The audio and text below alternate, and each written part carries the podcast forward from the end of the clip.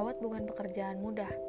Kami perlu menghabiskan berjam-jam berjalan kaki, melewatkan acara penting di rumah, dan menghadapi banyak orang sulit. Dengan semua hal itu, mudah untuk kami merasa stres, cemas, dan frustasi.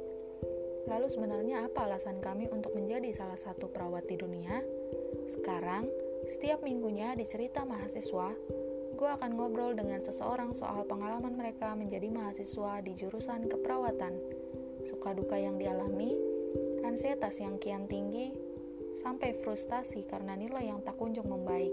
Bagaimana bisa mereka bertahan sampai saat ini? Stay tune di channel YouTube dan Spotify kami.